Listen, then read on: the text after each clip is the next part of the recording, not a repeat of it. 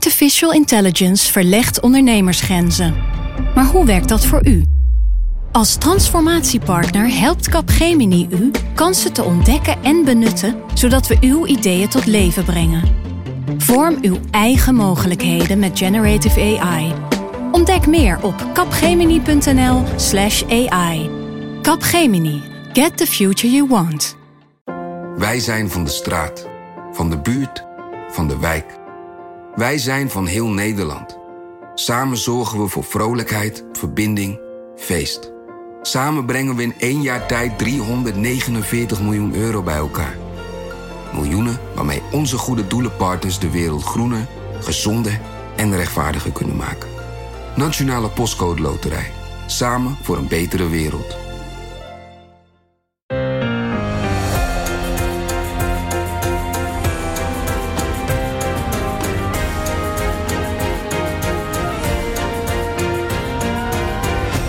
Dit is Haagse Zaken van NRC. Mijn naam is Lemia Aharwai. Het is 8 maart. Over precies een week gaan de eerste stemlokalen open. En vanaf vandaag zijn we dagelijks bij je. Vanaf de vergadertafel op de Haagse redactie. Die we uh, ja, voor de gelegenheid hebben omgebouwd tot een soort van uh, studio. Met geluidsdempers eromheen. Alles erop en aan. Het kan zijn, omdat we dus op de redactie zijn. Dat je af en toe een printer hoort. Of de koffiemachine of andere achtergrondgeluiden. Dat blijft even zo. Tot en met 18 maart leiden we je iedere avond door al het campagnenieuws. En dat doe ik samen met de inmiddels voor jou vertrouwde Haagse redacteuren. Die soms hier zijn en soms ergens in het land om de campagne te verslaan. En ons daar dan later over bij te praten. Uh, op dit moment is Pim van den Dol bijvoorbeeld uh, aan het flyeren samen met SP-jongeren. Uh, Floor Boon is deze dagen veel in Apeldoorn. Omdat ze daar de voorbereidingen op verkiezingen coronastijl aan het volgen is. En daarover hoor je dan later deze week meer. Overigens zul je Floor sowieso vaker horen de komende dagen. Want we gaan samen de presentatie van deze dagelijkse Haagse zaken doen. Maar bij mij hier aan tafel Guus Valk en Filip de Wit Wijnen.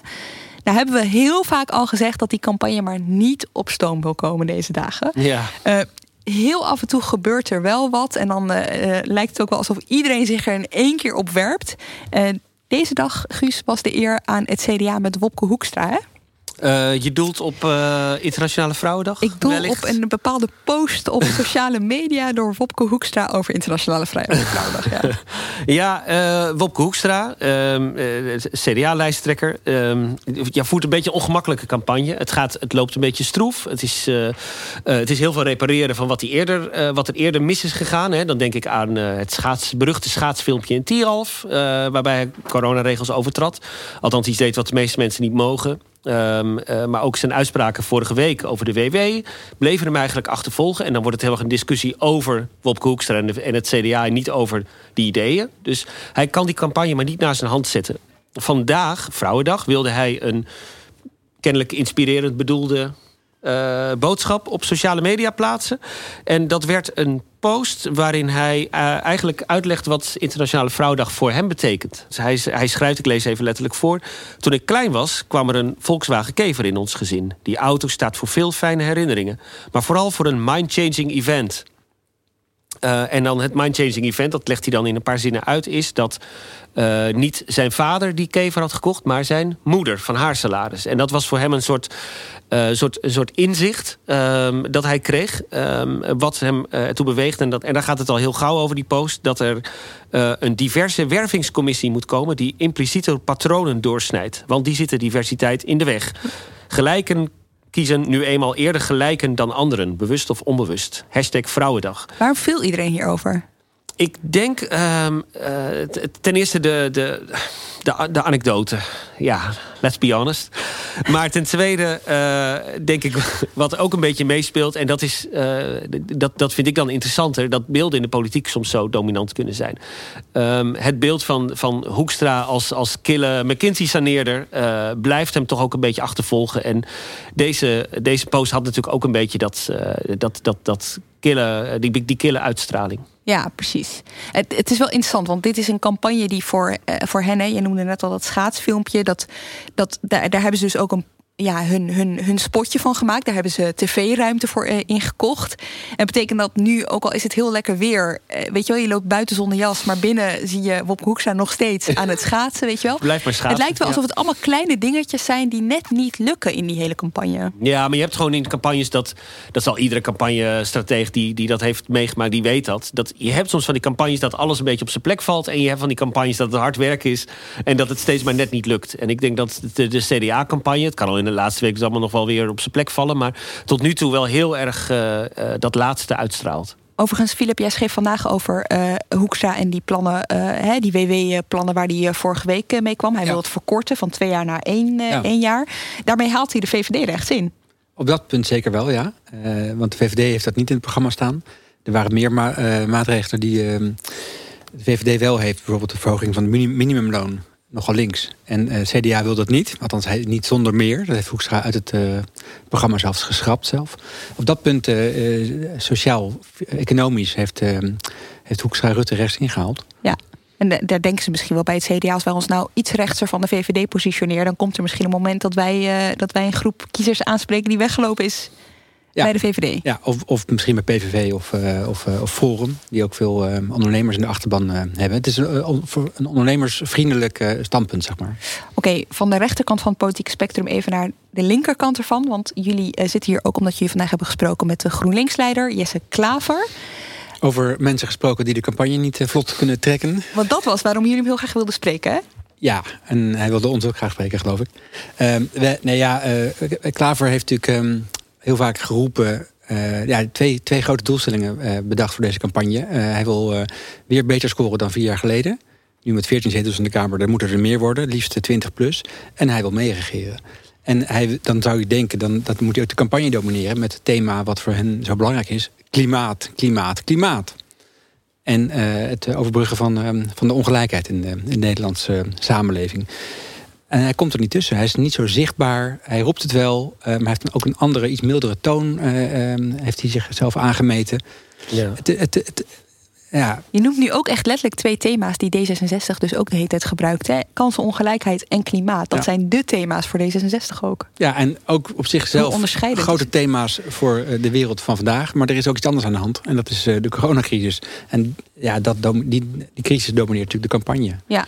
Ja, de, na al die andere partijen dan de VVD. Er lopen denk ik twee dingen door elkaar bij, de, bij, bij GroenLinks en hun campagne. Die verklaren waarom het stroef loopt. Het eerste is dus de coronacrisis, waardoor het heel moeilijk wordt om je eigen onderwerpen te agenderen. Want corona domineert alles, dus dan kom jij aan met klimaat ja. of met. He, iedere partij heeft zijn eigen uh, punten. En die komen er maar niet tussen, want, want corona.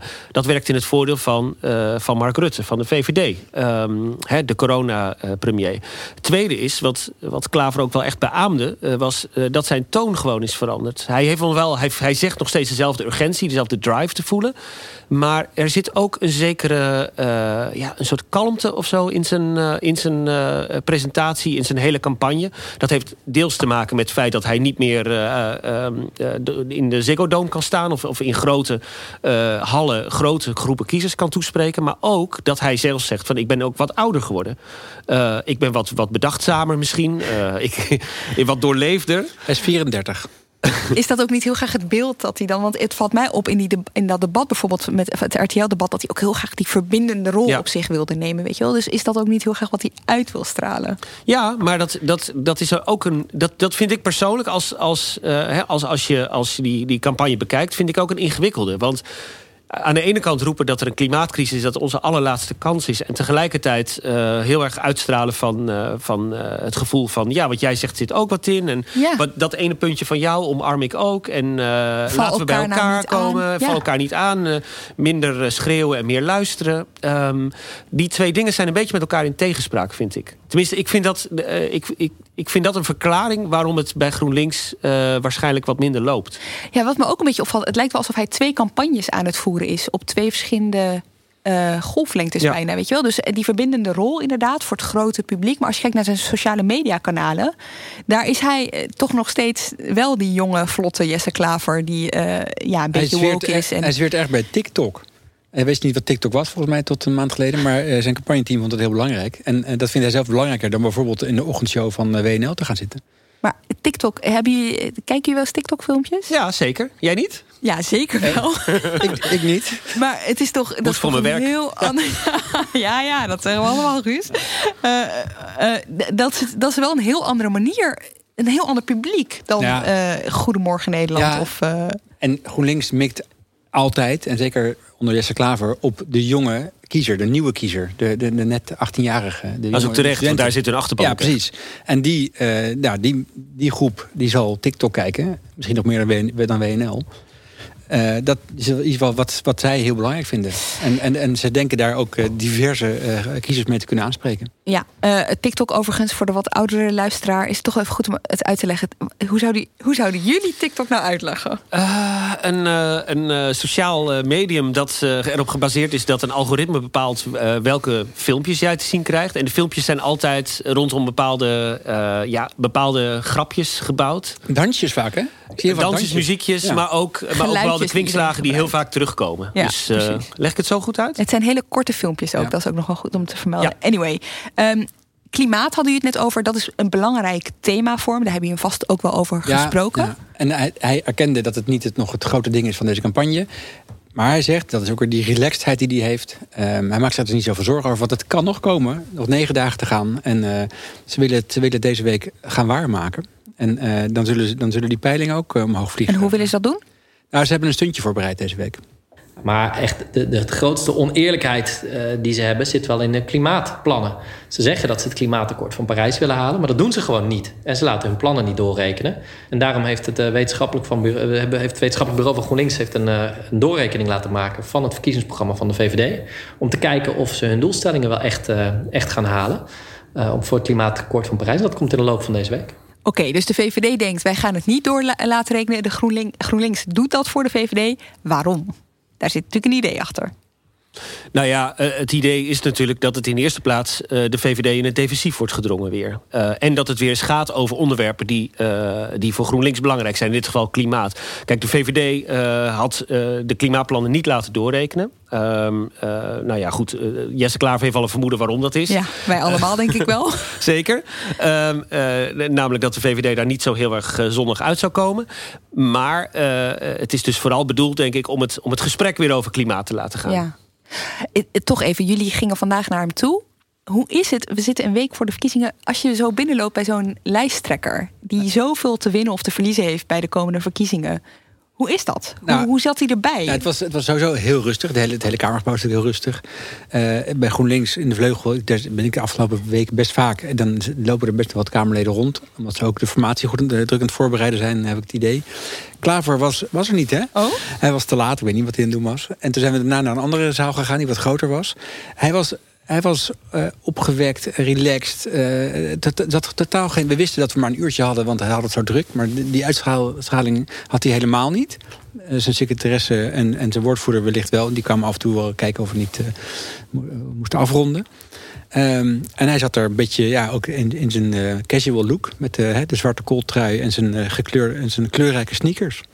Ook sneakers. Ook sneakers. Ja, met deze alle lijsttrekkers dragen sneakers. Ja. Alleen uh, ik begreep later dat toen de fotograaf kwam direct na ons... die moest even wachten, want er moest toch een, een mooi pak worden ingevlogen. Ja. Uh, vanuit zijn, Kijk, zijn woonhuis. Daar heb je weer die twee... Vanuit zijn woonhuis? Dat denk ik, ja. Want hij had, hij had geen pak Maar daar heb je weer die twee golflengten. Dus in zijn in zijn, normaal loopt hij dus gewoon rustig rond op sneakers en een kot. Maar hij wil toch wat anders uitstralen op zo'n foto in NRC. Ja, we zagen toen een beetje paniek dat hij hoorde dat de fotograaf meteen kwam. Want hij zei, ik heb helemaal niks bij me. En uh, nou ja, we zullen zien wat voor foto er morgen in de krant staat. Oké, uh, nog even heel kort. Jij noemde net al formeren. En je oh, zei dat je de indruk hebt dat ze zich Nou ja, ik weet wel zeker. Los van het campagneteam. Dat is een klein enthousiast campagneteam rond Jesse Klaver. Is er ook een formatieteam. De nummer twee van de kandidatenlijst, Corinne Ellemeet, de, de, de, ehm, de zorgwoordvoerder van de fractie, die heeft een, um, heel team aan het werk om die formatie vanaf volgende week heel serieus voor te bereiden. Want ze willen voorkomen dat ze, net zoals in 2017, uh, er vrij snel een, uh, ja, een beetje naïef en uh, dat, het, dat het gewoon niet lukt. Nee, dat is toen eigenlijk twee keer mislukt. Eén keer waren ze half teruggetrokken en de laatste keer definitief. Ze waren daar gewoon niet goed op voorbereid. Ze werden een beetje weggespeeld, uit elkaar getrokken. Dat, dat linkse kamp, daar is Kraver heel bang voor. en inhoudelijk kijken ze gewoon naar alle dossiers. wat ze wel, waar ze, waar ze hun strepen in het zand willen zetten... en, en wat ze eventueel willen laten lopen... Daar hebben we uiteraard naar gevraagd, maar daar gaf hij uiteraard geen antwoord op. helaas. Uh, Hij houdt de kaart op de borst, dat begrijp ik wel. Ik begreep zelfs dat het van, van zo'n grote invloed is... dat ze zelfs in de campagne hebben besloten... op bepaalde thema's niet al te vocaal te zijn... omdat het kan dat ze daarop moeten inleveren tijdens de formatie. Dus ze zijn er al zo erg mee bezig. Nou, je merkt wel dat hun prioriteiten heel erg aan het, uh, aan het voor zichzelf op een rij aan het zetten zijn. Dat doet Klaver nu dan niet heel erg. Maar jij hoort dat natuurlijk ook heel vaak, Filip. Dat Um, dat ze kijken welke onderwerpen kunnen we echt weinig op inleveren... en welke onderwerpen kunnen we wel wat uh, toegeven wellicht. Want ze willen echt voorkomen dat, dat het scenario van 2017 zich herhaalt. Want in de achterban levert dat ook niet, zo, uh, levert dat ook niet zoveel uh, goedwil op. Ja, dus, nog een keer aan de kantlijn staan, dat, ja. dat willen ze niet. Oké, okay, dank hiervoor. Um, ik heb jullie nog nodig voor iets anders. Want afgelopen zaterdag in Haagse Zaken schreven we een gedichtenwedstrijd uit om, uh, ja jongens, om ik denk dat ik wel weet waar dit naartoe de gaat. liedjes van Harry ja. Wesseling te kunnen uh, ah. winnen met titels als het Boerenstrijdlied en het verkiezingscampagnelied voor Wopke Hoekstra. Dat kan hij goed gebruiken nu. En ik vroeg luisteraars een gedicht te schrijven van max zes regels om dat te kunnen winnen. En dat hebben we geweten, want we kregen echt best wel veel inzendingen. Dus mensen hebben dit weekend massaal zitten dichten. Ik heb um, drie van mijn persoonlijke favorieten hier voor me. Ik geef ze even aan jullie mee. Uh, ik stel voor dat we er alle drie één voorlezen, ja? Oké, okay, ik begin wel. Er is een lijsttrekker genaamd Kaag. Die werkt met veel plezier in Den Haag. Maar na een domme opmerking van Baudet is het gedaan met de pret. En zuipt zij een stuk in haar kraag. Deze is van Geert Langendam. Leuke limerick. Mm, gaat niet winnen, denk ik. Next. Philip? Uh, de titel bij deze is, uh, luidt Alles oké okay bij de VVD. Liberalisering, maar dan neo. Tien jaar al aan de macht.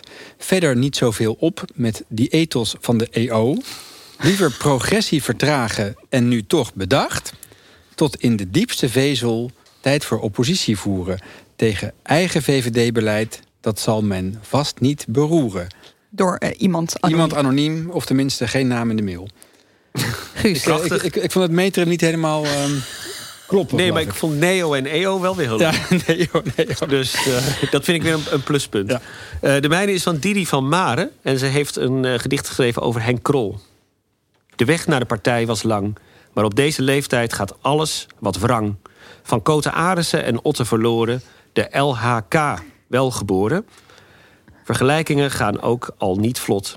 Of lijkt de samenleving echt op een mayonaisepot? Mayonaisepot? Uh, Mis ik hier een verwijt? Vet, ik, gedicht vind ik altijd al redelijk ingewikkeld. Maar, uh, ja. Anyway, het is aan ons om nu een, een winnaar uit te kiezen. Poeh. Zit hier een natuurlijke winnaar tussen? Ja, ik, ik neig naar de tweede. Ik wil die andere drie nog wel zien. Je hebt er toch zes binnen gekregen? Nee, veel meer dan oh, zes. Oh, meer. Maar dit zijn de drie, de drie, waaruit de drie je, waarmee je je moet doen. Dit zijn de drie beste. Ja, dit zijn de drie beste. Ik, ik, ga dan toch voor uh, door mij uh, zelf ook. voorgedragen gedicht. Oké, okay, dan hebben we hiermee... Ja. ik, vond het, ik, vond het, niet best, maar laten we die dan maar winnen. Het beste dan, van win ik ook het, nog een beetje. het slechtste. Oké. Okay. Gefeliciteerd anoniem. Gefeliciteerd anoniem. We nemen contact met je op. Jij wint de cd's. En dan gaan we ondertussen contact leggen met de huiskamer van Claudia Kammer. Claudia.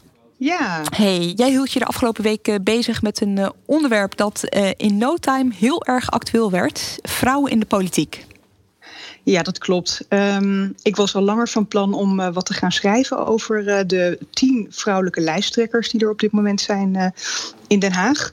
Tien van de 37 lijsttrekkers. Dus ik had een stuk in voorbereiding daarover.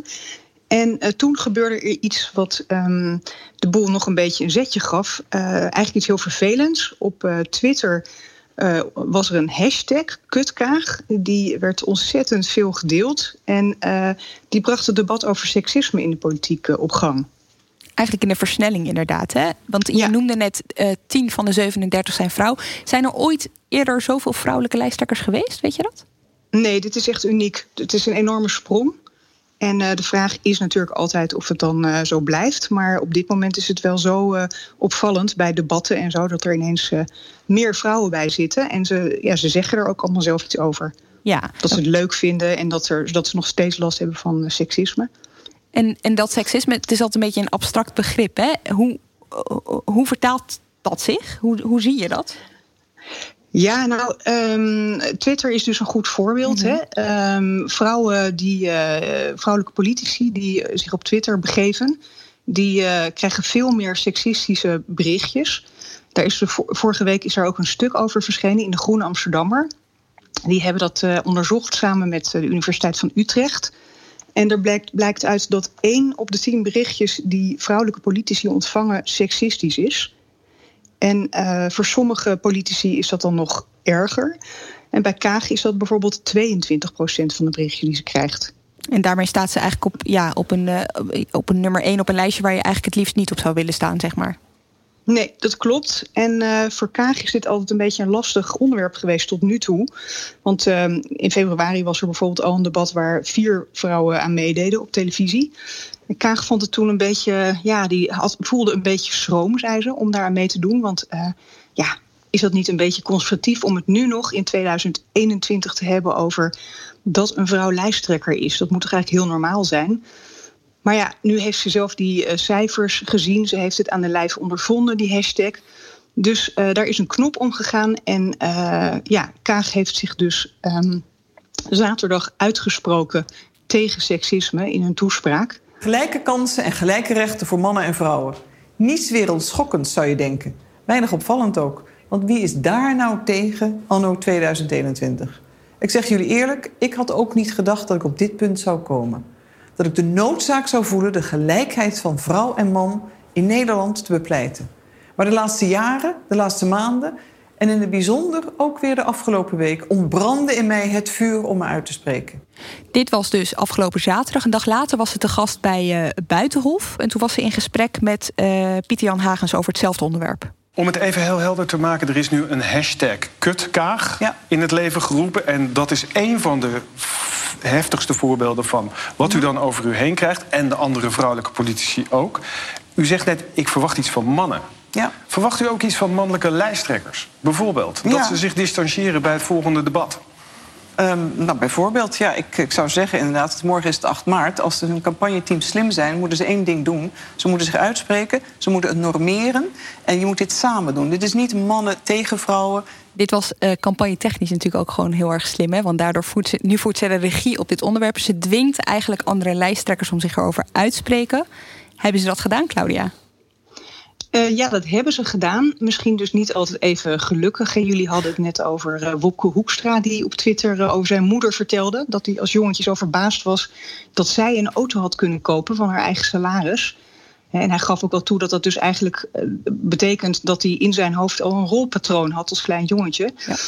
Um, maar goed, uh, kijk, voor linkse partijen is dit altijd al een wat makkelijker onderwerp dan um, voor rechtse partijen. Dus uh, Jesse Klaver die zei bijvoorbeeld dat de feministische strijd niet alleen hoort te rusten op de schouders van vrouwen, maar van, van alle mensen.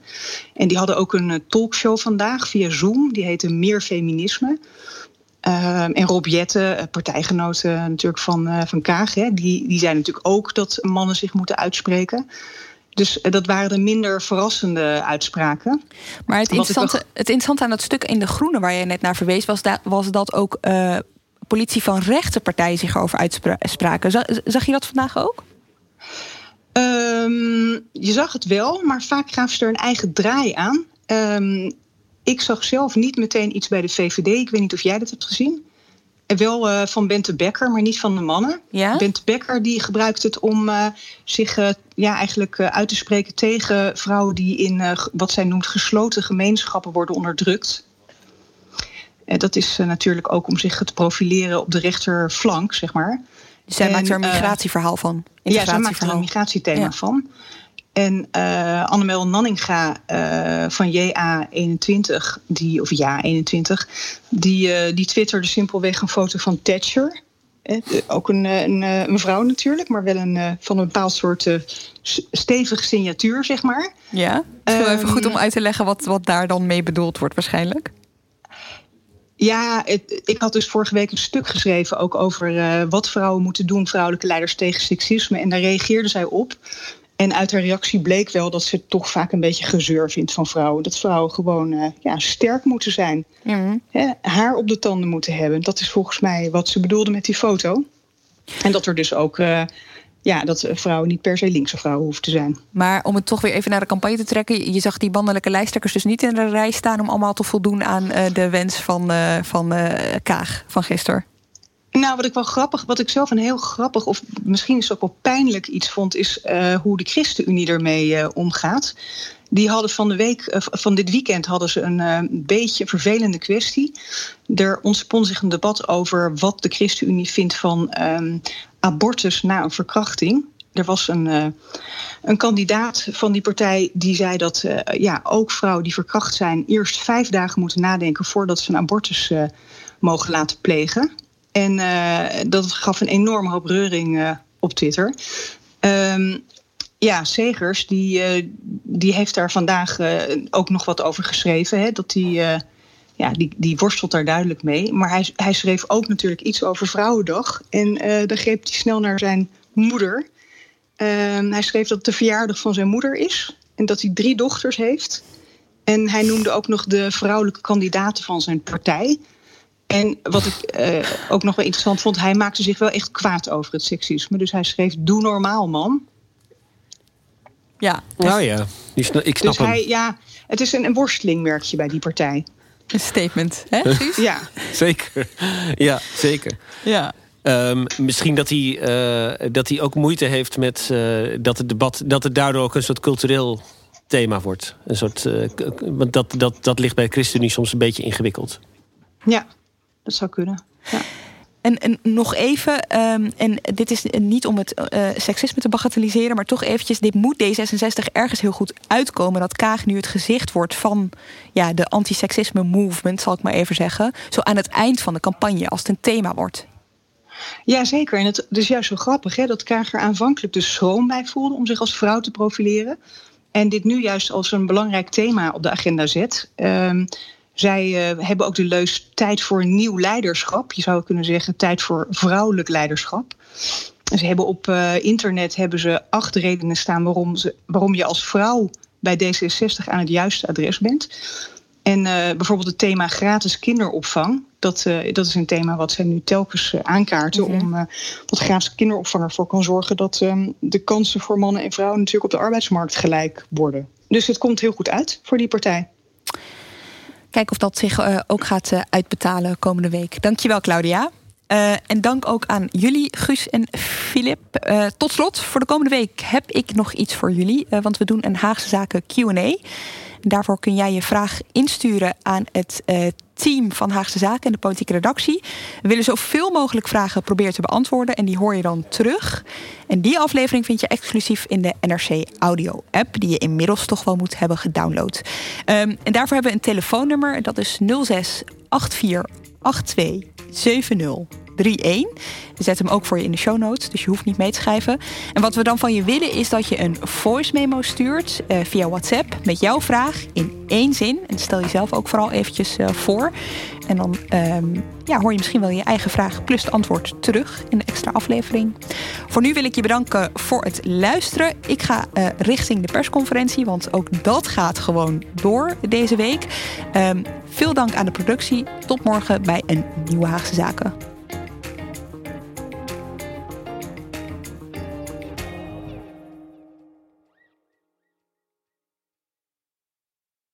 Je hebt aardig wat vermogen opgebouwd. En daar zit je dan, met je ton op de bank. Wel een beetje saai, hè? Wil jij, als belegger, onderdeel zijn van het verleden of van de toekomst? Bridgefund is een slimme fintech die een brug slaat tussen de financiële behoeften van ondernemers en van beleggers. Dus wie belegt bij Bridgefund krijgt niet alleen een mooie vaste rente, maar brengt ook ondernemers in beweging. Echt waar, met die ton kan je zoveel betere dingen doen. Bridgefund. Make money smile.